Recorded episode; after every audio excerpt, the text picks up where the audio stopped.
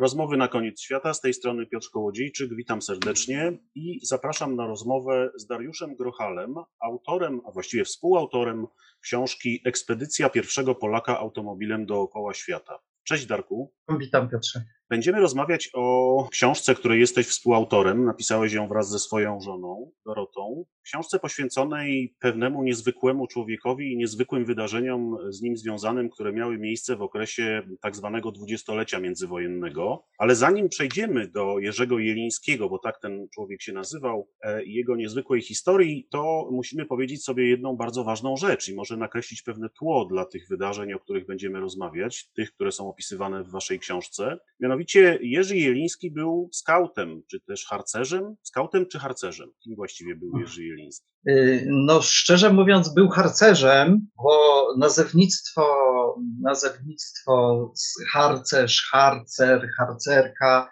i tak dalej już zostało wprowadzone przed I wojną światową. Y, u Piaseckiego w harcach młodzieży polskiej pojawiają się te, te pojęcia i oczywiście jeszcze zamiast, zamiast skautowego be prepared pojawia się czuwaj, prawda? Czyli jest to bezpośrednie nawiązanie do jak gdyby nazewnictwa rycerskiego. Krótko mówiąc, Jelnicki był na pewno harcerzem, choć to znaczy praktycznie to samo gdyż jeżeli harcerz wyjeżdża za granicę, Jeliński podróżował dookoła świata, to wtedy zwracano się do niego jako tam Jeliński Scoutmaster, prawda? Albo po prostu Scout Jeliński. Więc znaczy to chyba to samo w okresie dwudziestolecia międzywojennego harcerstwo przeżywa, jeśli można tak powiedzieć, swój y, rozkwit, prawda? Bo powstało, tak jak powiedziałeś, w okolicy I wojny światowej, czy przed I wojną światową nawet, ale dwudziestolecie międzywojenne to jest y, ważna rola i duży rozwój harcerstwa, prawda? To może jest pewien mit. Początki, y, to znaczy po powstaniu ZHP,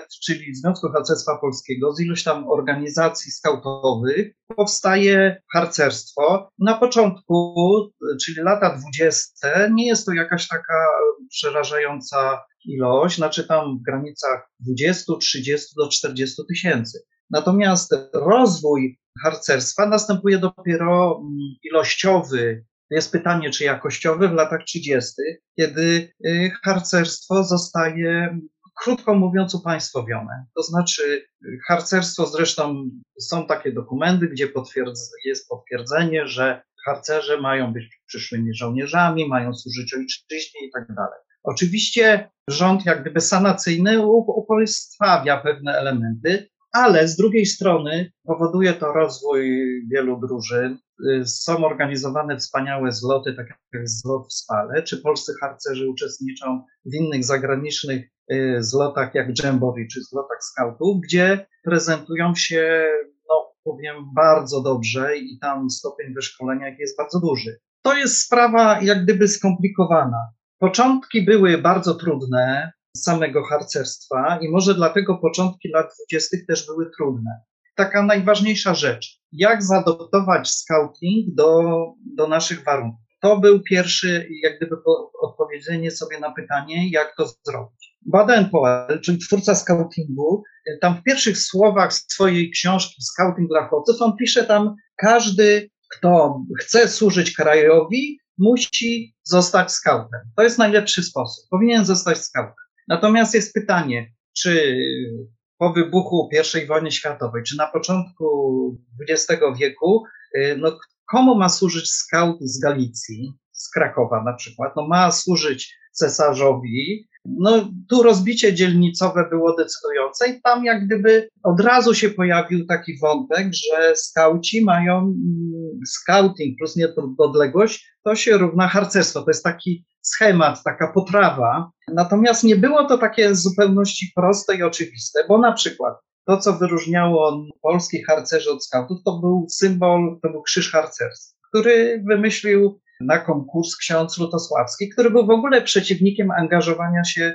skautów polskich w walkę o niepodległość. Więc y, taki krzyż harcerski, który był tam, który ma symbolikę, virtuti military i tak dalej, nawiązujące do niepodległości, y, był stworzony przez człowieka, który uważał, że należy, należy współpracować y, z Rosją, prawda? No oczywiście każdy wtedy podejmował jakieś tam decyzje, prawda? I były to decyzje, nazwijmy to polityczne. I oczywiście był bunt instruktorów, część, y, część jak gdyby doszła do wniosku, że, że, że, że nie będzie współpracować z Lutosławskim. Jednakże no, masa krytyczna to jest taka, że większość skautów wstępuje do legionów, część wstępuje do, y, uczestniczy w rozbrajaniu żołnierzy niemieckich w 1916 roku i tak dalej. Teraz pojawiają się różne publikacje, ile tam żołnierzy w 1920 roku było harcerzami. Odnajdowane są, są zdjęcia, gdzie na mundurach żołnierskich pojawiają się, się mm, krzyże harcerskie. Więc no, masa krytyczna musiała stworzyć coś takiego jak harcerstwo, które, które niepodległość niosło na sztandarze. No nie było, nie, nie było innego wyjścia. Ja zawsze uważam, że skauci byli w swojej takiej budowanie państwowości trochę tacy zimni, a my byliśmy tacy gorący, no bo takie były, taka, taka była sytuacja. No i mamy harcerstwo, natomiast przychodzi czas takiej zwykłej pracy, to znaczy zakładania drużyn, pracy z drużynami, robienie kursów i tak dalej, i tak dalej. No i te początki lat dwudziestych były takie dość, e, powiedzmy, trudne, no bo sytuacja gospodarcza też była trudna, no było ciężko, ciężko. Już tak jak gdyby wracając do Jelińskiego, no właśnie, miałem, no to... miałem e, zapytać, e, jak w, tym, w tych realiach, które skrótowo nakreśliłeś, e, znalazł mhm. się bohater naszej rozmowy mm. i, i, i, waszych książek, bo jeszcze nie mhm. powiedzieliśmy mm. naszym słuchaczom, że napisaliście dwie książki o Jerzym Jelińskim. No tak, Jedną przeznaczoną powiedzmy dla dojrzalszego czytelnika i mm. drugą przeznaczoną dla dzieci i młodzieży co jest mhm. bardzo mhm. dobrym pomysłem, moim zdaniem. Znaczy, Jeliński urodził się w 901, czyli należał do tego pokolenia, które w 916 w Warszawie, w Warszawie rozbrajało żołnierzy niemieckich. Należał on do tego pokolenia, które pierwsze, jak gdyby, wiedziało, co to jest Polska.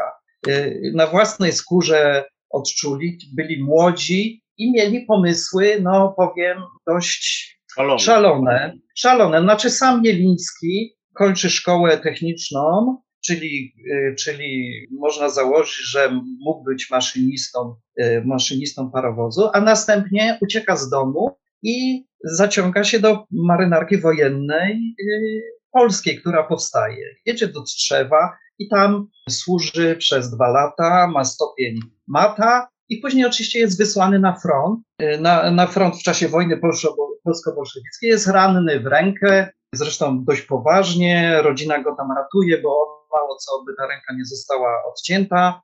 Wraca do Warszawy, później przy, zostaje przeniesiony z Szczewa, ma stopień posłana i, i pracuje w Warszawie, też w marynarce wojennej. I wtedy wpada na pomysł zorganizowania takiej wyprawy samochodem dookoła świata. Czyli mamy rok gdzieś tak 24, 25, bo nie wiadomo ile dokładnie przygotowanie do wyprawy trwały. Y, y, musimy sobie jak gdyby wyobrazić, to ja może zagadkę ci zadam. Może być zagadkę? Bardzo chętnie, tak. Dobra, no to słuchaj, mam tutaj przed sobą kartkę z rocznika statystycznego. Zgadniesz, ile było zarejestrowanych w, y, w Polsce samochodów w 1927? Samochodów osobowych. 5 tysięcy?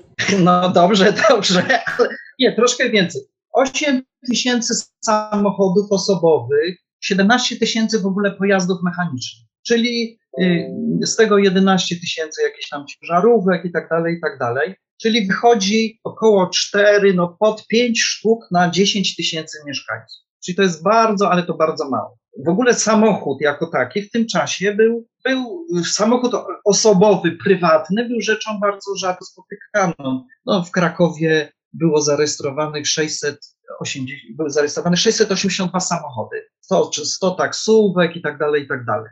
Czyli samochód był bardzo, wbrew pozorom, rzadkim, spotykanym zjawiskiem na ulicy. Rzadkim dobrem luksusowym, e, można powiedzieć. Dokładnie. E, no, Zresztą, jak, jak wiesz, statystyki różne rzeczy podają, natomiast no tutaj widać, y, że na przykład w Poznaniu było tych samochodów 1895, więcej nawet niż w Warszawie zarejestrowano. Y, oczywiście prywatnych, osobowych. I Jeliński, a w zasadzie nie wiadomo czy Jeliński, dlatego że w książce piszemy o pewnej legendzie, której nam się nie udało sprawdzić. Moja żona w nią święcie wierzy, bo fajnie wierzyć w legendy. Ja tak trochę po przeglądaniu tysiąca gazet doszedłem do wniosku, że sam nie wiem.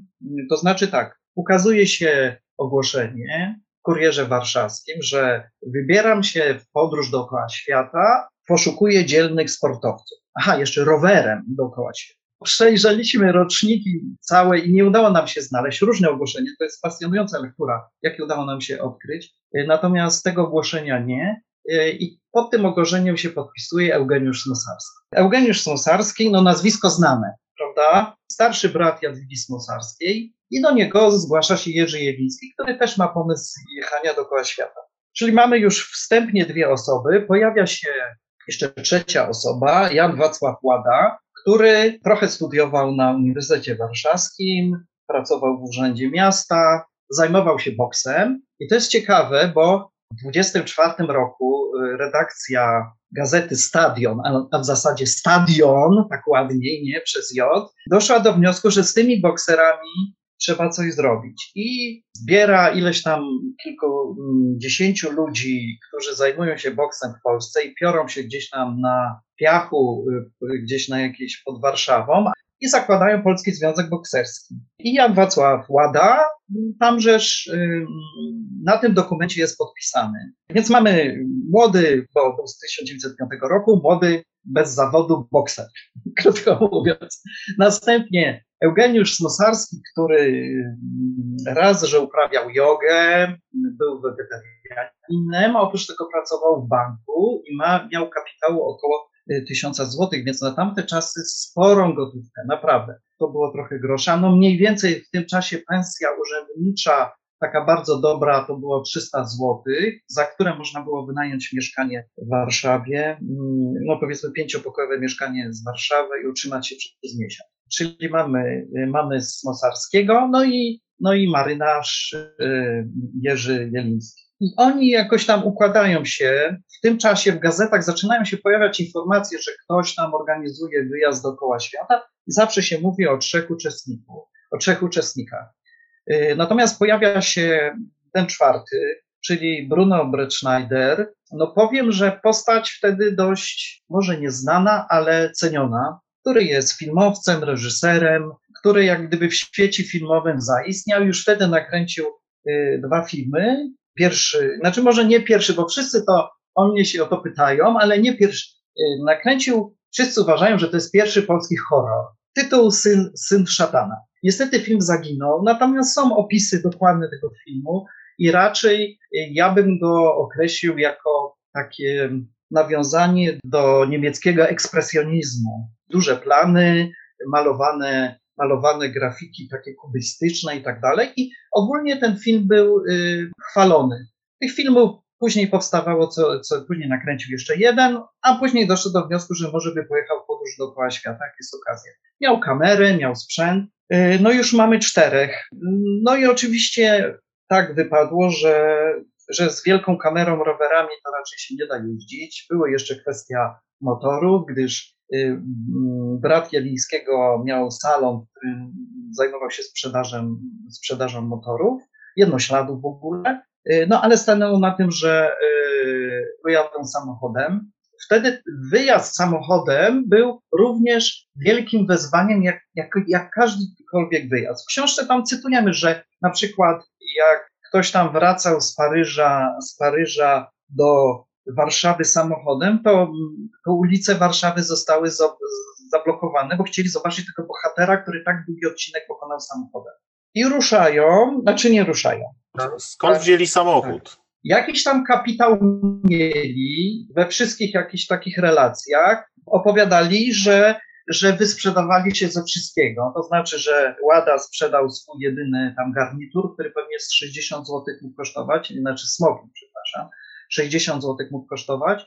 Y, no tutaj duży, duży jak gdyby duży, dużo, duży zasób gotówki miał, miał Smosarski, ale można jak gdyby pewne rzeczy zrobić półśrodkami, to znaczy nie kupując całego auta, dlatego że w przedwojennej rzeczywistości najdroższe to była obudowa auta, prawda? Czyli nadwozie. Podwozie było stosunkowo tanie, dlatego że na ogół często przyjeżdżało samo podwozie, a i tutaj od różnych wariantów sobie zamawiało, czy to będzie czterodrzwiowe, dwudrzwiowe, czy będzie kareta zamknięte i tak dalej, i tak dalej. I na ogół na przykład Ford, Fordy, które były montowane w Warszawie na ulicy Polskiej, przyjeżdżały jak gdyby w częściach, składane one były, były podwozia, a klient sobie życzył, że robi z tego, no nie wiem, ciężarówkę czy coś tam, coś tam.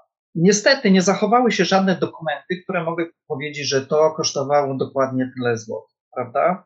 No ale zakłada się, że to podwozie mogło kosztować około tysiąca, ponad tysiąca, 1200 złotych. Natomiast zdarzyła się rzecz chyba ważniejsza. To znaczy, czterech ludzi, którzy się spotykają, rozmawiają, że sobie gdzieś pojadą, to jest jedna rzecz. To jest jak gdyby przedsięwzięcie prywatne. Natomiast dzięki temu, że i Smosarski, i Jeliński, i Łada, każdy z nich był skautem, nawiązali kontakty z, z naczelnictwem i doszli do wniosku, że ta wyprawa, która jest wyprawą prywatną, staje się wyprawą harcerzy polskich, nawet później Fordem, te dookoła świata. I, I, dzięki takiemu glejtowi, jak gdyby wszystkie drzwi się nagle otwierają. To znaczy, pojawiają się sponsorzy, nazwijmy to, dlatego że firma Eliborg, która produkuje Fordy i traktory Ford są w Polsce, y, sprzedaje im tanio, tanio to podwozie. Państwowe zakłady CWS zobowiązują się wykonać nadwozie. Dzięki czemu ten Ford jest jedynym egzemplarzem sam w sobie. Znaczy był jedynym w sobie niepowtarzalnym, wspaniale zaprojektowanym, gdyż przypominał on gondolę sterowca zgodnie z zasadami aerodynamiki obowiązujących w latach dwudziestych, zwężających się do tyłu z małymi, okrągłymi okienkami. Yy, no, wyglądał fantastycznie. Według mnie wyglądał fantastycznie. Natomiast no, nie da się ukryć, że był to Ford który został zaprojektowany w roku 1907, czyli już był produkowany kilkanaście lat. I w zasadzie zakłady Forda y, w 26 już przestały go produkować. I teraz Polskie Ministerstwo Spraw Zagranicznych, przypuszczalnie za pośrednictwem ZHP, y, rozumie, że jest to jakaś pewna szansa na promocję Polski. Ale ponieważ czasy są ciężkie, wyprawa nie dostaje żadnych pieniędzy, tylko dostaje taki glejt, potwierdzenie, że mogą oni skorzystać z pomocy y, przedstawicieli polskich, czyli ambasad, konsulatów na całym świecie. I jak gdyby każdy konsul dostaje taką pismo, że trzeba się postarać, żeby, żeby to wszystko, jak gdyby ta wyprawa, wyprawa trwała. I w zasadzie z takim już bagażem wszystkiego, czyli samochodem zrobionym przez CWS, można wystartować. Ale sprawa była taka, mm, y, powiem, dziwna, dlatego że 30 maja 1926 roku na Agricoli jest wielkie spotkanie harcerzy, przemawia, przemawia naczelnik ZHP Sedlaczek, żegnają wszyscy wyjeżdżających, jest relacja, są relacje prasowe, y, natomiast auto nie jedzie za granicę, tylko wraca z powrotem i robią taki prawie tysiąckilometrowy objazd po Polsce. To znaczy najpierw jadą aż y, w stronę Siedlec, później Białowieża, Grodno, później wzdłuż granicy niemieckiej przez Toruń, Bydgoszcz, Poznań do Warszawy z powrotem. Czyli Warszawa, znaczy, czyli wyprawa wyruszyła oficjalnie 30 maja, natomiast w czerwcu jeszcze jest w Warszawie z powrotem. I tutaj okazuje się, że wszyscy są bardzo zainteresowani tą wyprawą i młodzież, która chce poznać, jak wygląda wspaniały samochód.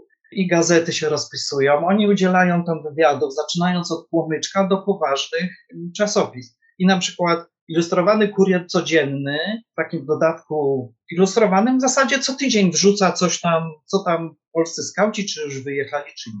Wydarza się niespodziewana sytuacja. Po pierwsze, zostają zaproszeni przez prezydenta Mościckiego. Jest pierwsza audiencja gdzie Mościcki ogląda auto, życzy im mm, dobrej podróży. A skąd to wiemy? Dlatego, że zakładają kronikę. Kronikę wyprawy, jak na prawdziwych harcerzy wypadało, żeby była ta kronika. I pierwszy wpis w kronice to jest pre, wpis prezydenta Mościckiego. Później za dwa dni jadą do Sulejówka, gdzie oczywiście się spotka, spotykają z marszałkiem Piłsudskim, który tam szczęść Boże wyprawie taki wpis umieszcza. I ta kronika mm, objedzie cały świat.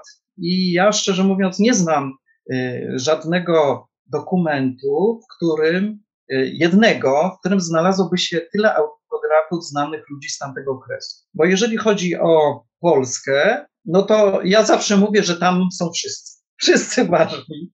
Natomiast, no może bez Wieniawy Długoszewskiego, no może jeszcze parę ludzi, natomiast, natomiast zaczynając, czyli kardynał Chląd, kardynał Kakowski, prezydenci miast Warszawy, y, Lwowa, Poznania, profesor Romer, profesor Bujwit i tak dalej, i tak dalej.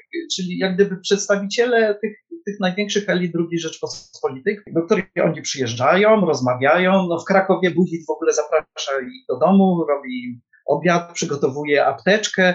To dość, y, dość fajnie się rozgrywa. No już teraz jadą. Już teraz jadą i jak gdyby każdy sobie wyobraża, że to jest takie, że dookoła świata to się jedzie, jedzie i tak dalej. Oni jadą bardzo powoli. Niektóre odcinki zajmują im, no powiedzmy tam 50 kilometrów zajmuje im tydzień, ale nie wynika to z tego, że, że ten tydzień musieli poświęcić na przejazd. No powiedzmy, że czterech dorosłych mężczyzn jadących Fordem T jest w stanie przejechać z prędkością średnią 20, może 25 kilometrów na godzinę, no to w ciągu 10 godzin mogą zrobić 200 kilometrów, prawda? Natomiast jak gdyby są przyjmowani przez mieszkańców, nawet witani chlebem i solą, no nieraz ich obrzucają kamieniami, jak, jak to się w Galicji zdarzyło parę razy, znaczy w starej Galicji. Natomiast, y, natomiast jedna rzecz jest niesamowita, że ilość informacji o tej wyprawie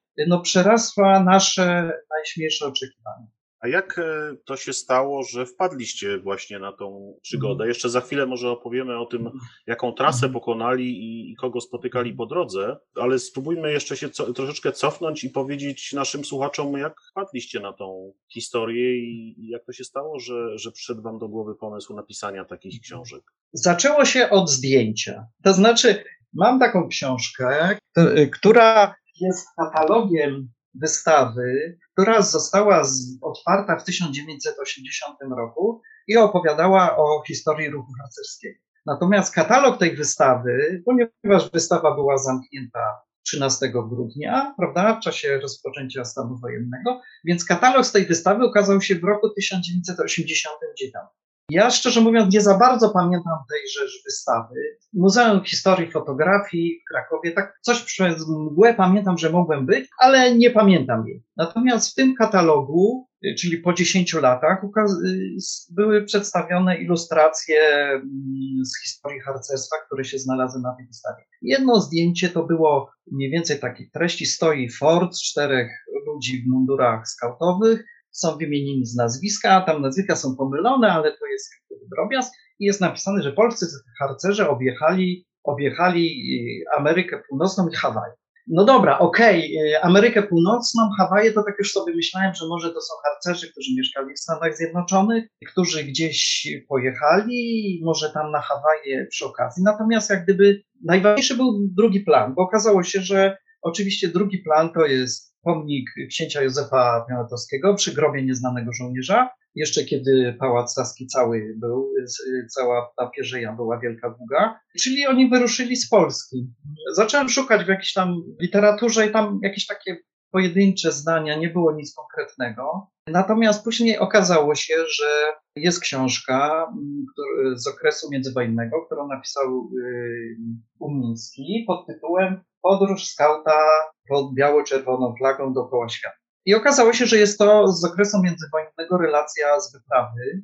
Y, no i tu po przeczytaniu tego pomyślałem sobie, że, że no nie może być tak, że tak wspaniała historia gdzieś tam y, zniknęła. Y, no i tak trochę nosiliśmy się z tą historią, że może ja bym zrobił ilustrację, że może by zrobić książkę graficzną. Parę lat tak jak gdyby grzebiąc przy okazji po archiwach, w szczególności amerykańskich, bo tam jest dość sporo informacji o tejże wyprawie. Wreszcie jakoś tak zupełnie przypadkowo yy, krakowskie wydawnictwo Skrzac, z którym właścicielem rozmawiamy o innych sprawach, namówiło mi nas, że no to napiszcie książkę. Myśmy za bardzo nie chcieli napisać, jakieś były takie pewne podejścia, żeby ktoś to inny zrobił, ale wreszcie napisaliśmy i, i napisaliśmy książkę dla takich 10-12 latków, dwa lata dookoła świata. Książka się chyba fajnie sprzedaje, bo, bo jest tam kupę fajnych historii. To, co wiedzieliśmy o wyprawie, jak gdyby chcieliśmy przekazać dzieciom, są dialogi. No to jest po prostu książka dla dzieci. I tak myśleliśmy wtedy, że to jest, już mamy spokój.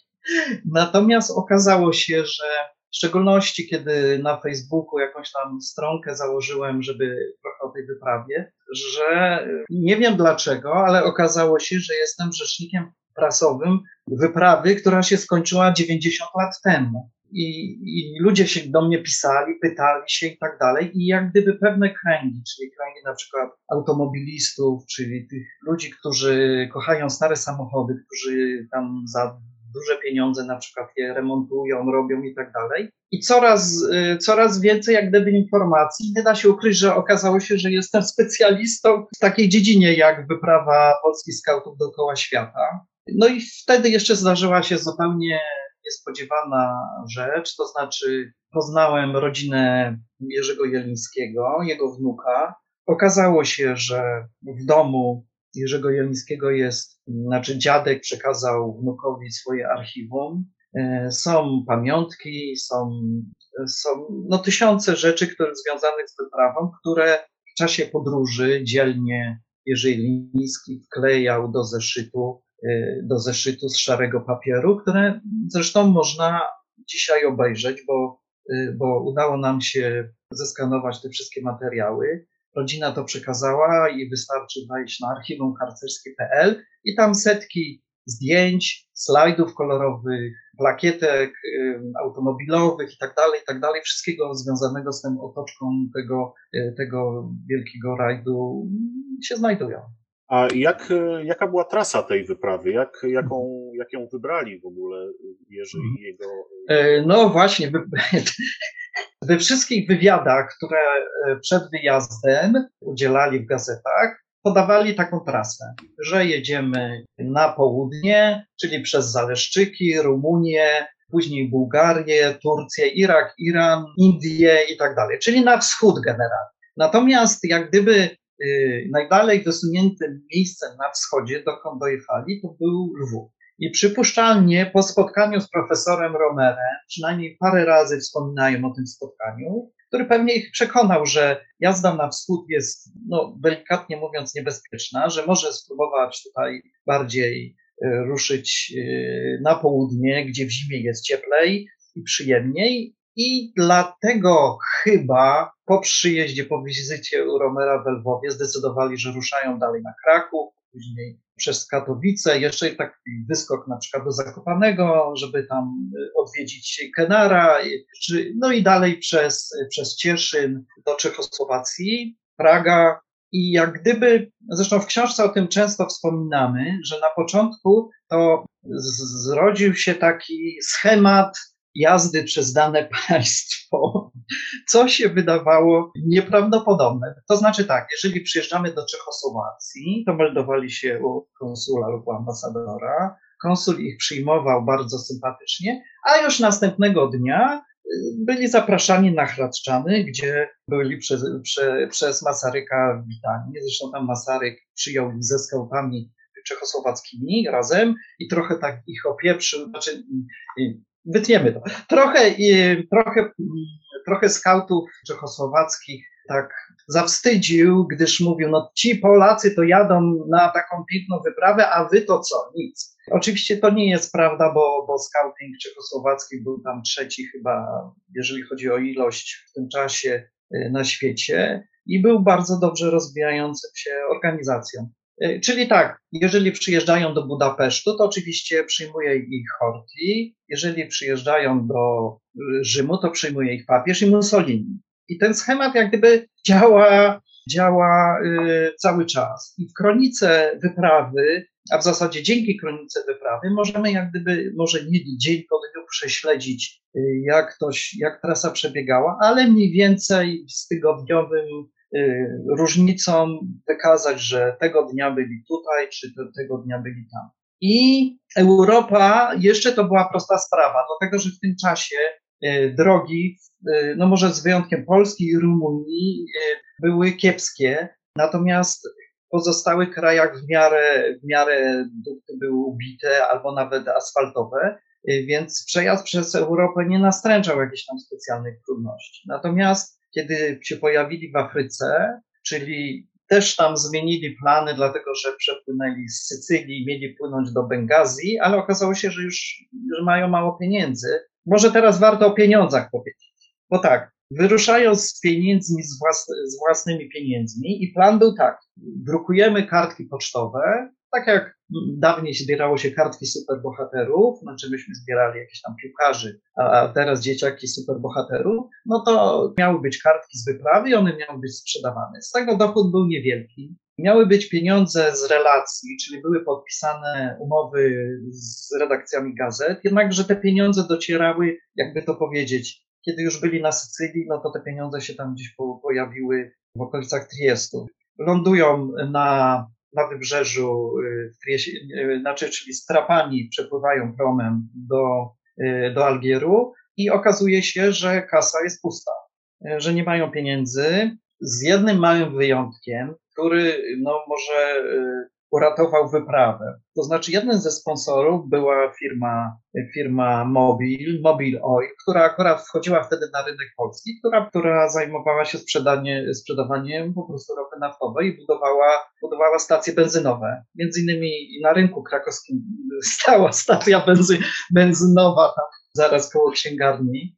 I oni dostali od nich taki glejt, który, w którym było napisane, że na każdej stacji benzynowej firmy mobil mogą tankować za darmo. Więc Polak w takiej samej takiej sytuacji sobie radzi doskonale i przyjeżdża, tankuje na stacji benzynowej mobil, następnie jedzie na targ i sprzedaje benzynę e, e, i dzięki temu ma jakieś pieniądze, gdzie kupują chleb i tak dalej, i tak dalej. E, oczywiście to był półśrodek i w zasadzie w zasadzie wyprawa na wybrzeżu stali, nie wiedzieli, co dalej mają zrobić. Nie wspominałem o tym, ale może powiem, że pierwszy jak gdyby z wyprawy odpadł Jan Wacław Łada, który był kierownikiem wyprawy. To było dziwne. On był najmłodszy, najmniej doświadczony i, i został karnie usunięty z wyprawy. W książce to dokładnie opisujemy, więc nie będę. Nie zdradzajmy. Tak. Bruno Brettschneider doszedł do wniosku, że że w zasadzie on już nie ma taśmy filmowej, że nie ma szans ta wyprawa powodzenia i postanowił wrócić. I zostało ich tylko dwóch, czyli Smosarski i, i, i. Ale jak zwykle, jak coś się nie dzieje, to później się dzieje dobrze, prawda? I spotykają profesora Czekalskiego. Co tam robi profesor Czekalski, który był geologiem, który był, mm, był stypendystą y, rządu francuskiego, który poszukiwał minerałów. Choć jak y, głosi niesprawdzona zupełności plotka, y, że został wysłany na, na Saharę w celu poszukiwania okładów złota, które tam miały być. No i cóż robi Czekalski? No nie wynajmuje samochodu, który by mu się przydał y, jakiś tam od Francuza, tylko bierze dwóch polskich skautów, którzy mają dobry samochód i urządzają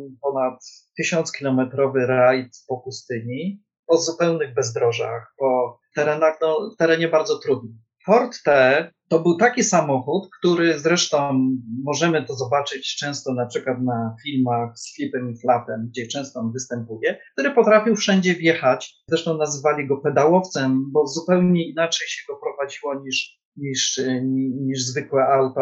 Samochód mógł stanąć w jedną sekundę i ruszyć dopiero na, nazwijmy to, trzecim biegu. I wbrew pozorom bardzo dobrze sobie radził na tych wydmach. Czekalski oczywiście im zapłacił, dzięki temu mogli jak gdyby ruszyć dalej. W Oranie pojawia się trzecia osoba, znaczy nie trzecia osoba, tylko trzeci uczestnik wyprawy, to znaczy od skautów y, francuskich y, Jeniński dostaje małego pieska, który jak jeżeli jest z Oranu, to się nazywa Oran, a ponieważ był małym psem, więc był orankiem. I oranek to jest taki pies, który przejechał chyba, znaczy nie wiem, czy znam innego polskiego psa, powiedzmy z okresu międzywojennego, który by przejechał od wybrzeża Afryki do Japonii. Więc kawał ponad 30 tysięcy kilometrów, no, statkiem i tak dalej. Chyba, chyba nie ma, bo, bo Poszukaliśmy takiego innego, dorównującego mu psa, ale okazało się, że ani pies na przykład Stolc Rogozińskiego, który tam mu towarzyszył w czasie eskapady do Kamerunu, a ani Arkady Fiedler, ani Osendowski nie mieli swojego psa, więc chyba to jest pierwszy pies, y, który, który przejechał pół, pół świata. I co się dalej dzieje? Tutaj nie ma żadnych oficjalnych oczywiście spotkań ani w Maroku, ani y, dlatego, że po prostu o to chodzi, żeby przetrwać i przejechać przez pustynię. I te pieniądze im wystarczają do tego, żeby dojechać do Casablanki. Oczywiście nie tak łatwo się mm, przeprawić na drugą stronę, kiedy się nie ma za bardzo dużo gotówki. Wysprzedają się ze wszystkiego, co mają. A ten dobytek, który jeździ z nim Fordem, w Fordzie był dość spory, bo były i dwa polskie Mausery, i pistolety, i patefon z polską muzyką, i radio, i jakieś tam noże skautowe, jedzenie i tak dalej, i tak dalej. Oni to wysprzedają to wszystko i płyną do Nowego Jorku. Płyną do Nowego Jorku, oczywiście jak gdyby trafiają na wyspę Ellis, gdzie okazuje się, że, że Eugeniusz Smosarski jest chory, ma egipskie zapalenie spojówek, czyli jaglicę, prawda? I go nie wpuszczają do, do Stanów Zjednoczonych. Nic nie pomaga, interwencja polskich władz, po prostu koniec, do widzenia, y, musi wracać. Y, no i, i teraz tak, Jeliński z samochodem, sam z pięcioma dolarami w kieszeni ląduje w Ameryce, ale wbrew pozorom już na tyle do Ameryki dotarło informacji o tym, że polski skauci jadą dookoła świata, a nie było to takie oczywiste, dlatego że taki pierwszy, pierwszy przejazd dookoła świata mm, rozpoczął się w 1908 roku, samochodowy, od rajdu Paryż, y, a w zasadzie Nowy Jork-Paryż, gdzie mm, wygrała ekipa niemiecka, ale ponieważ tam nie wszystko było zgodnie z regulaminem, więc tysiąc kilometrów przejechali pociągiem w Stanach, jak jechali, więc oni nie objechali tego świata do, y, do końca. Y, więc jak gdyby ten wyścig sobie tam taki przynajmniej nieoficjalny trwał i, i, i jeżeli się pojawiał scout Jeliński, który jedzie sam w ogóle, to było niesamowite. I już w tym momencie, kiedy się Jeliński pojawił w Nowym Jorku, to okazało się, że na przykład New York Times chętnie z nim porozmawia, że Herald Tribune i że takie większe gazety amerykańskie są zainteresowane. Już może nie samym faktem wyprawy, tylko na przykład samochodem, który był bardzo dziwnym samochodem, jak nawet jak dla Amerykanów, Natomiast oczywiście Jeliński postanawia, mógł wrócić, ale postanowił, że będzie kontynuował tą wyprawę. Y, natomiast musiał zdobyć y, jakieś pieniądze. Spotkał paru znajomych, między innymi, między innymi Mieczysława Wasilewskiego, który był komendantem chorągwi poznańskiej ZHP i znał się z Jelickim jeszcze z Polski. I jak gdyby ustalili wymyślili taki plan, że będą jeździć samochodem od miasta do miasta, odwiedzać polską, znaczy Polonię, będą opowiadać o Polsce i będą zbierać znaczy pieniądze do kapelusza. I Jeliński robi taką trasę, no powiedzmy, zaczynając od, od Waszyngtonu przez Pittsburgh, Chicago, Toledo, aż po wielkie, wielkie E, wielkie jeziora, które objeżdża dookoła. I tutaj, jak gdyby prasa, w szczególności polonijna, no, pisze cały czas. Ta pomoc jest y, nieprawdopodobna i dla mnie to było jak gdyby y, trudno ogarnąć ilość, chęć, chęć tych ludzi do, do tego, żeby po pierwsze już słyszeć od młodego człowieka, on miał 25 lat wtedy, o Polsce, który wychował się w Polsce i tak dalej. I są takie opisy, że tam jakieś tam matrony płakały, y, kiedy, kiedy Jeliński o, o pokazywał slajdy, bo oczywiście w czasie podróży rob, robili cały czas zdjęcia, więc, więc slajdy można było wtedy pokazać. I później Jeliński przychodził z kapeluszem, no i zebrał tam 10, 20, 50 czy tam 100 dolarów. Ale oczywiście Oczywiście mm, Polski, polska ambasada działała tutaj bardzo mocno i Jelińskiego przyjmuje oczywiście prezydent Stanów Zjednoczonych. Nie są zbyt znany prezydent Coldridge, który był wtedy i schorowany, i taki, e, no już kończył, kończyła mu się kadencja i jak gdyby Jenicki wspomina, że to było takie spotkanie, no chwilę porozmawiali, no ładnie, ładnie, tutaj podpis, dziękuję, do widzenia. Natomiast jest zdjęcie przed Białym Domem, które jest publikowane no, w tysiącach gazet z tamtego czasu, kiedy, kiedy, kiedy Jeliński stoi przy samochodzie. Zresztą w książce ono też jest publikowane, ale nie z tego powodu, że przed Białym Domem, tylko że wtedy widzimy pierwszy raz, jak Ford wygląda po, po przejeździe przez pustynię.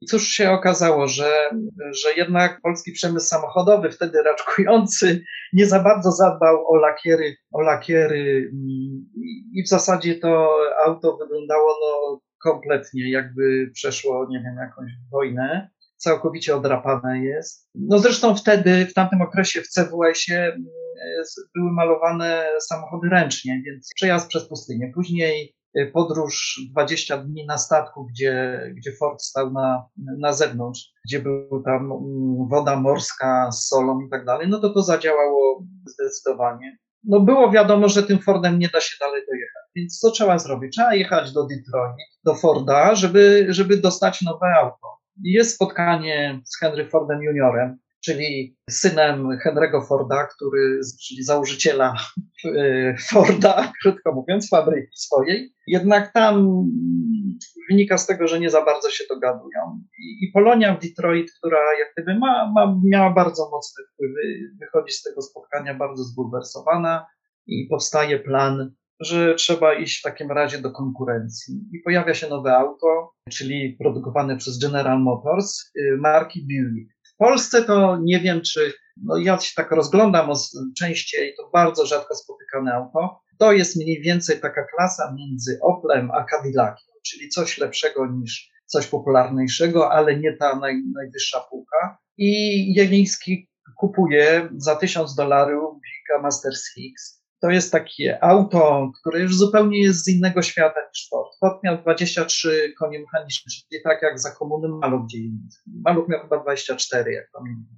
Natomiast tu już jest 80 koni, to już jest silnik prawie 5-litrowy. Poza tym to jest auto dla konwojażerów, czyli samotnie podróżujących mężczyzn y, na dalekie odległości, czyli dla Jelińskiego i jego, jego psa. I Jeliński przejeżdża całe Stany Zjednoczone. Oprócz takich normalnych spotkań, gdzie jak gdyby ludzie się zrzucali, Dużo jest, y, dużo Jemiński miał takich spotkań, które po prostu był zapraszany. Typu, nie wiem, tam y, jakaś tam szkoła zaprasza, czy mógłby pan przyjechać i tak dalej. Takich dokumentów, listów jest bardzo sporo i on zupełnie bezinteresownie przyjeżdżał i opowiadał o Polsce, więc taka postawa była dla nas bardzo budująca. Bardzo budująca, bo rzadko spotykana w tamtych czasach, dzisiejszych to już chyba w ogóle yy, rzadko. I oczywiście możemy sobie tak myśleć, no to przejechał samochodem Stany Zjednoczone. Co to, jest? co to jest? Tylko, że mamy rok 26, słynna Road 66 w ogóle nie istnieje, znaczy to jest dług. Przejazd przez góry skaliste to nie jest taka przejażdżka sobie, że teraz autostradą 6 serpentyn do góry i 7 na dół i jesteśmy już po drugiej stronie. W tym czasie takich dróg nie było. One były wyznaczane, natomiast no Jeliński akurat trafił, że, że, że zimą, zimą przejeżdżał przez góry skaliste i tam, tam praktycznie utknął na, na, na parę tygodni, zanim udało się mu przejechać, przejechać e, już do Nowego Meksyku. I przyjeżdża do Los Angeles i e, łatwo, jak gdyby na zdjęciach z Los Angeles i na przykład zdjęciach z Nowego Jorku popatrzeć, jaka różnica była w statusie społecznym Polonii z dwóch części Stanów Zjednoczonych. Nowy Jork czy, czy Detroit to są raczej ludzie, no, rzemieślnicy, pracownicy fabryk, niezbyt bogaci, ubrani skromnie. Natomiast zdjęcia, kiedy Jelińskim zaopiekowała się Polonia, Polonia w Los Angeles, są zupełnie inne. To są piękne stroje, które oglądamy na przykład w filmach niemych. Kobiety są po prostu w eleganckich sukienkach, panowie w smokingach i tak dalej. I oczywiście, kiedy jakiś tam dziennikarz rozmawia z Jelińskim, jakie jest jego marzenie, to okazuje się, że on na przykład bardzo lubi filmy z Chenejem. Nie wiem, czy kojarzy Cheneya, Leon Chenej. Na pewno nie, ale każdy kojarzy film niemy Dzwonik z Notre Dame, gdzie jest Quasimodo z taką zgarbem i tak dalej. To, to jest ten człowiek. Chenej był nazywany, nazywany aktorem o stu twarzach, dlatego że on zawsze grał tam kogoś, co musiał pięć godzin się przystosować. I wtedy Polonusi, Jeliński sobie wymyślił, no chciałbym, chciałbym po prostu porozmawiać z nim i Polonusi, dobra, no to jedziemy do Hollywood, proszę bardzo, tutaj jest e, na planie filmowym, tam się podpisuje Chenej i cała jak gdyby taka polonijna, polonijna grupa, która pracuje w Hollywood, między innymi Zwolińska, taka znana, znana aktorka, może niewybitna, ale dużo ról grała takich bardzo, bardzo niezłych. No ale trzeba ruszać dalej, krótko mówiąc. Czyli mamy, mamy, mamy Hollywood, później jest San Francisco. Tutaj trzeba powiedzieć jeszcze o jednej ważnej rzeczy. W czasie tej podróży Jeliński za każdym razem po przejechaniu danego kraju, czy po jakiegoś takiego kawałka, otrzymywał potwierdzenie z automobil klubu danego kraju.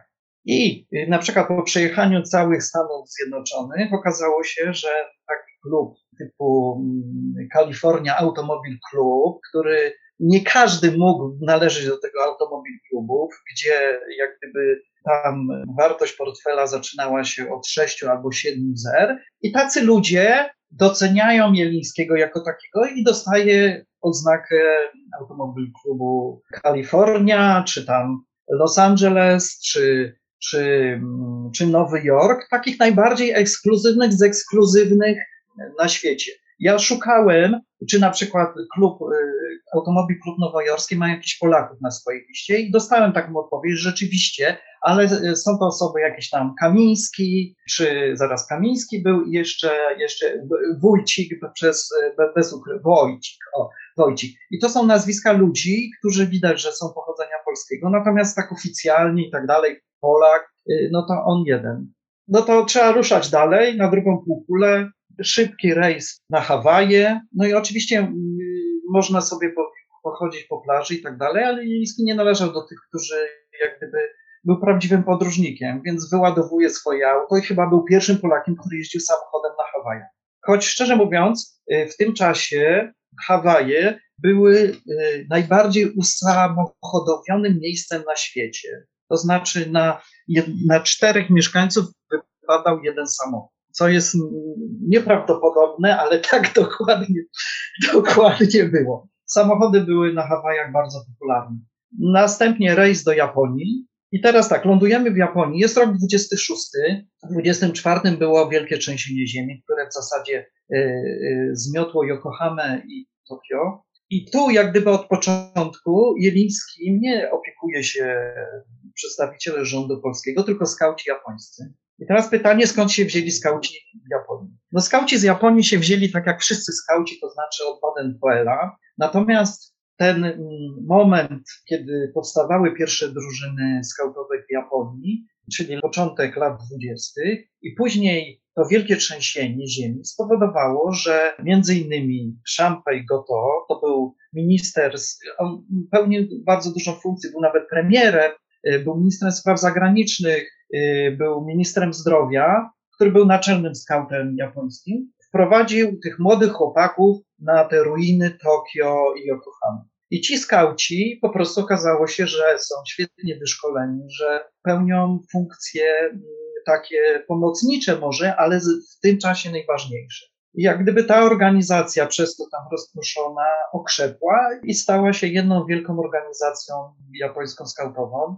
I oczywiście Jeliński zostaje przyjęty przez, przez e, premiera Champagne Goto. Zresztą jest zdjęcie, gdzie jeden występuje w mundurze skautowym i drugi w mundurze skautowym. I później przejeżdża całą Japonię, a w tym czasie koleje w Japonii były bardzo dobrze rozwinięte, natomiast drogi praktycznie istniały tylko w miastach. Zresztą tam udzielając wywiadu jakiemuś tam dziennikowi japońskiemu, e, e, Jeliński opowiadał, że Y, że no on to może 130 km na godzinę wyciągnąć 80 mil, ale w Japonii to raczej nie, tym bardziej, że policjanci, policjanci pilnują, a jeszcze na koniec dodała, a poza tym no nie da się, no bo drogi są takie jak w Polsce, no, albo jeszcze gorsze. I odradza wszystkim automobilistom wyprawy. O, tak dokładnie zakończę.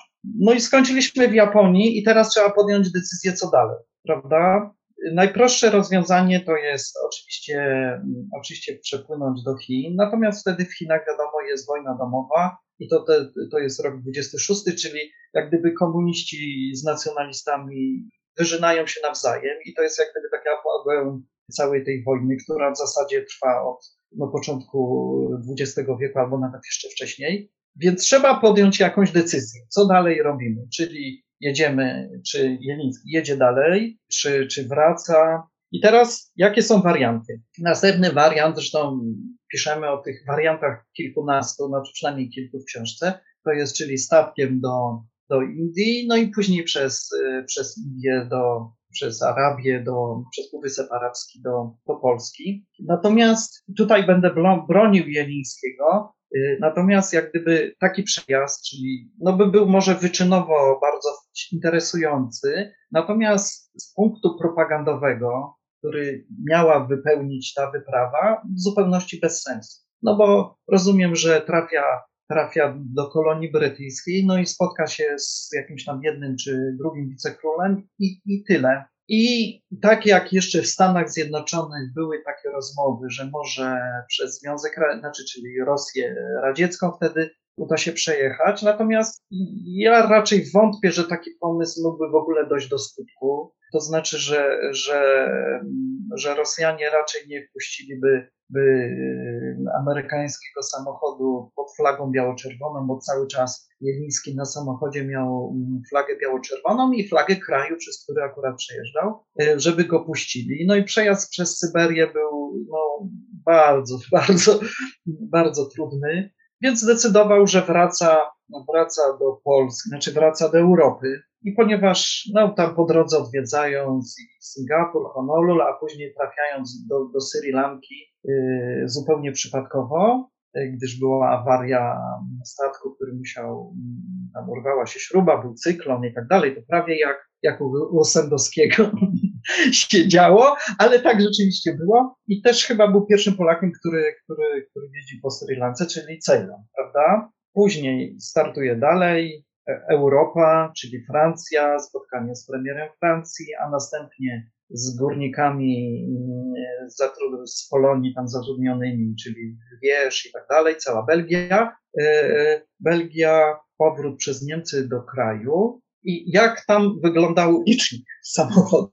Przejechał około 77 500 km, czyli więcej niż obwód Ziemi, nawet, nawet ten. Oczywiście brakuje mu mm, tej Azji, kawałka tej Azji, natomiast jak gdyby, ja uważam, że to nic, że i tak więcej dla Polski zrobił niż średnio przeciętny polityk, y, gdyż był osobą znaną. Zresztą zaraz po przyjeździe no, Warszawa oszalała. Y, I sam chyba Jelicki też trochę nie mógł się, y, się znaleźć w tym wszystkim. Jedna z gazet pisze, że, że właśnie spotyka młodego, ogorzałego człowieka, który trochę kuleje, bo bańka, bańka z benzyną mu Marsylii spadła na nogę, więc taki też jeszcze pech. I mm, Warszawa jest zablokowana. Ten przejazd jest bardzo dobrze opisany. Zresztą wytwórnia doświadczalnia, czyli taka wytwórnia, która filmowa, która mm, była protoplastą y, y, robienia kronik filmowych, kręciła film. Oczywiście ten znaczy nie oczywiście, tylko niestety ten film się nie zachował z, z gwiazdą. I mm, Jeliński jest przyjęty przez prezydenta i jest osobą publiczną. Ja się boję używać słowa celebryta, ale w tym czasie jest osobą znaną, lubianą, wszyscy chcą z nim rozmawiać. I, jego taki pomysł na życie e, po przyjeździe, bo pewnie też ciężko mu było ponad dwa lata w podróży, co, co z sobą dalej robić, to było tak, że, że jeździł od miasta do miasta, pokazywał, pokazywał y, slajdy z podróży i tych spotkań było bardzo dużo. Natomiast jak gdyby w pewnym momencie te, te spotkania się urywają i Jeliński wraca do Stanów Zjednoczonych, co jest bardzo interesujące. Swoim Buickiem objeżdża jeszcze raz Stany Zjednoczone w tom i z powrotem, robi kurs operatorski i kręci dwa filmy. Jeden z życia Polonii Amerykańskiej, tak się dokładnie nazywa, a drugi pod słońcem Florydy. Y, nie zdradzajmy może wszystkich y, przygód i wszystkich tych tak. opowieści, które w waszej książce, w waszych książkach właściwie się znajdują. Ale mam do ciebie jeszcze, zmierzając do podsumowania naszej rozmowy, takie dwa pytania. Po pierwsze, co się stało z tym samochodem, samochodami? Czy gdzieś te, te obiekty można zobaczyć? Czy one przetrwały w ogóle do naszych czasów? To jest moje pierwsze pytanie. A drugie, a drugie może zadam, jak, jak uporamy się z tym pierwszym. Ford został w Stanach Zjednoczonych, znaczy teoretycznie powinno być tak, że został w Stanach Zjednoczonych. Natomiast okazało się, że kiedy w prasie polonijnej ukazał się pewien artykuł szkalujący Jelińskiego, a napisał go jeden z uczestników wyprawy, który odpadł y, o wiele wcześniej, został spisany protokół w polskim konsulacie, gdzie sprawę całą wyjaśniono. I tam z jednych punktów jest napisane, że y, samochód Ford został załadowany na statek i przekazany Związkowi Harcerstwa Polskiego. Czyli Ford wraca do Polski. Co się z nim dzieje, nie wiadomo. Ja zakładam, że jednak był to już złom użytkowy i możliwe, że te części zostały wykorzystane do, do naprawy innych Fordów jeżdżących w Warszawie. To jest tak. Natomiast Buick y, Master Six został w latach 30. sprzedany i jak mi rodzina Jemińskiego opowiadała, że ich dziadek sprzedał jakiemuś bogatemu przedsiębiorcy ze Śląska. I jak gdyby tu się ten trop urywa, y, natomiast y, wnuk Jerzego Jelińskiego zawsze mi opowiadał, że odkąd miał, nie wiem, 18-19 lat, to zawsze marzył, żeby mieć takie auto jak, jak jego dziadek i żeby, żeby zrobić taką rekonstrukcję dokładnie tego samochodu. Tym bardziej, że było dużo zdjęć i tak dalej. I, no tak, tylko żeby znaleźć takie auto, to trzeba mieć odpowiedni zasób gotówki, dość spory, powiem tak, że, że takie auta mm, w Europie są bardzo rzadkie, Buicki, z lat y, dwudziestych bardzo rzadkie, w Stanach Zjednoczonych może bardziej, natomiast musiał spełniać kryteria, czyli być modelem z tego roku i no, no już o kolorze to już, to już nie mówmy, był granatowy. Po paru latach poszukiwania, różne były przymiarki do różnych samochodów, nawet był pomysł kupienia gdzieś tam z Hiszpanii takiego Buicka, który był czteroosobowy, przernięcia go na pół i zespawania, żeby, żeby był jednym samochodem, tak jak dawniej myślę, że teraz już się nie robi, ale nie było takiego auta. Wreszcie się pojawiło ogłoszenie w Niemczech, gdzie pewien przedsiębiorca budowlany sprzedawał takiego Buicka z tego samego rocznika, ten sam model. Niestety nie było żadnej, znaczy były tylko takie dokumenty niemieckie podstawowe, ale z relacji wiadomo, że, że to auto on kupił od Holendra, a ten Holender kupił go od Anglika, który, który to auto miał y, w Nowej Zelandii, bo kupił to od gościa, który mieszkał y, w Australii. Tak mniej więcej to wyglądało.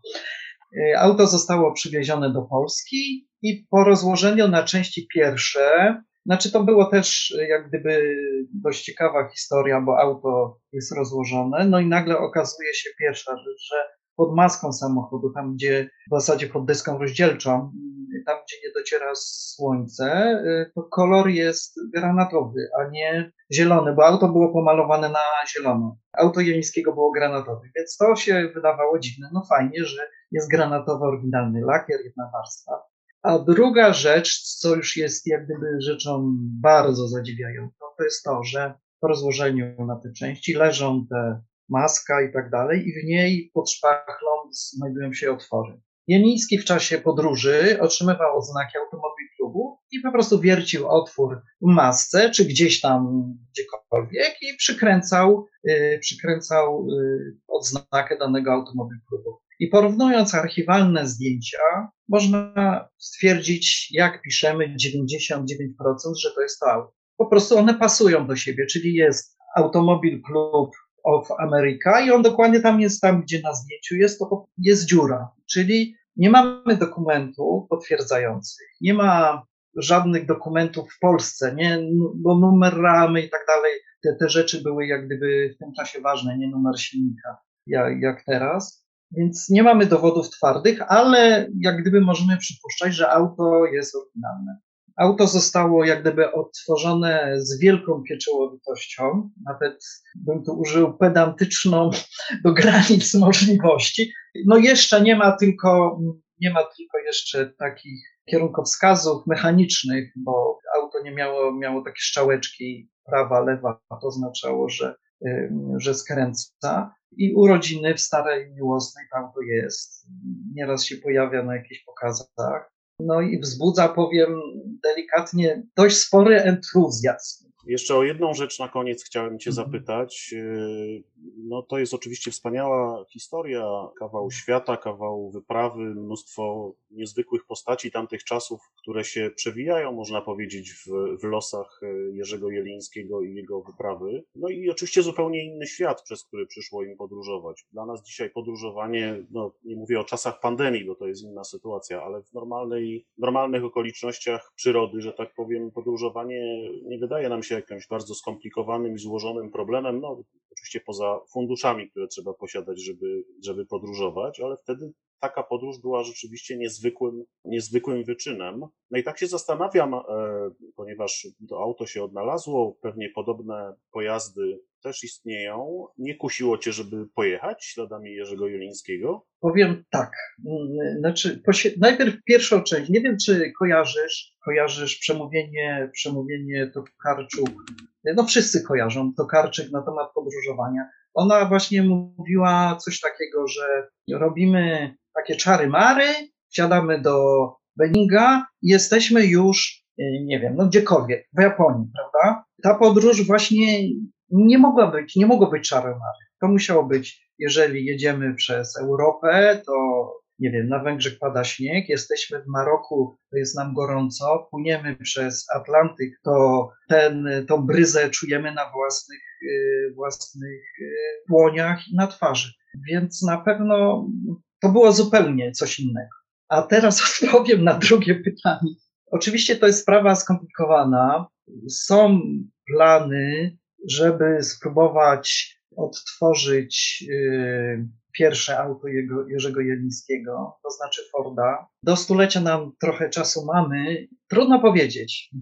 Trudno powiedzieć. Są takie pomysły, natomiast, y, natomiast y, zobaczymy. Zobaczymy. Nie chcę nic sugerować, natomiast jest to świetny pomysł. y, No trochę się tak emocjonalnie y, do niego trzeba jak gdyby przyzwyczajać. Sprawa y, taka nie jest prosta z tego względu, że samochód taki jak Ford na przykład to jest zupełnie jak gdyby przedsięwzięcie na poziomie ekstremalnym, jazda takim samochodem. Ja dość śledzę taką parę holenderską, którzy podróżują sobie dookoła świata Fordem. Te. Z Buickiem jest łatwiej, natomiast, e, natomiast no jest to jakiś, jakiś pomysł, tak jak na przykład, nie wiem, były podróże szlakiem, e, szlakiem Kazimierza Nowaka po Afryce i tak dalej. Więc e, warto, warto się zastanowić, tym bardziej, że ten ciąg historyczny jest nieprawdopodobny. Ja może jeszcze Ci opowiem taką historię, kiedy w archiwum rodziny Janickiej znalazłem takie zdjęcie, ktoś zrobił zdjęcie z telewizora, wiesz, w latach 60., nie? no bo wtedy nie było magnetowidu. Okazało się, że to jest zdjęcie, które zrobił wnuk, bo jego dziadek występował w programie Krąg harcerskim krąg, więc on zrobił zdjęcie z telewizora i pokazywał swoim kolegom, że a mój dziadek to występował w tym programie. I później szukaliśmy tego programu i okazało się, że, że tego programu nie ma w telewizji, że one były kasowane, ale dzięki uprzejmości pracowników telewizji polskiej udało nam się znaleźć film, na którym występuje Jeliński.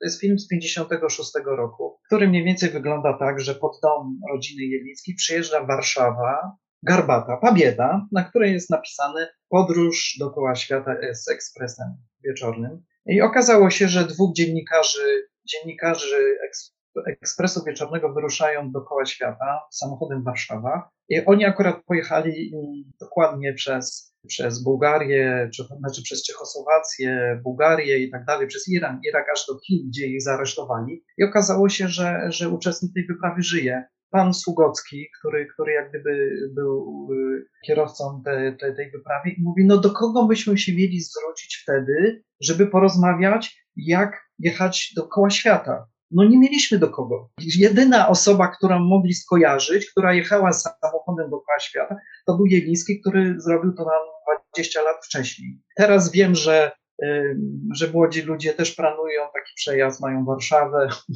planują też, będę im kibicował, więc takich zjawisk, które są robione po, pro publico bono, dla samego faktu, wiesz, zrobienia czegoś jest dość sporo, więc może taki kiedyś rajd będzie. Bardzo Ci dziękuję. Polecam wszystkim naszym słuchaczom, e, by sięgnęli po książkę, bo w niej znajdą nie tylko ilustracje, o których mówiłeś, i, i zobaczą na własne oczy, jak te przygody e, skauta Jerzego Jelińskiego wyglądały, ale też przeczytają o, o różnych e, właśnie przygodach i wydarzeniach, o których nie mieliśmy czasu tutaj wspominać. No i mam nadzieję, że będziecie ten temat kontynuować i, i może rzeczywiście taki rajd uda się przygotować albo odnajdą się jakieś kolejne materiały archiwalne, które pozwolą na rozwijanie wątków, które się tutaj przewijają, a bardzo dużo ich w Twojej opowieści się pojawiło. Bardzo Ci dziękuję jeszcze raz i do usłyszenia. Dziękuję bardzo.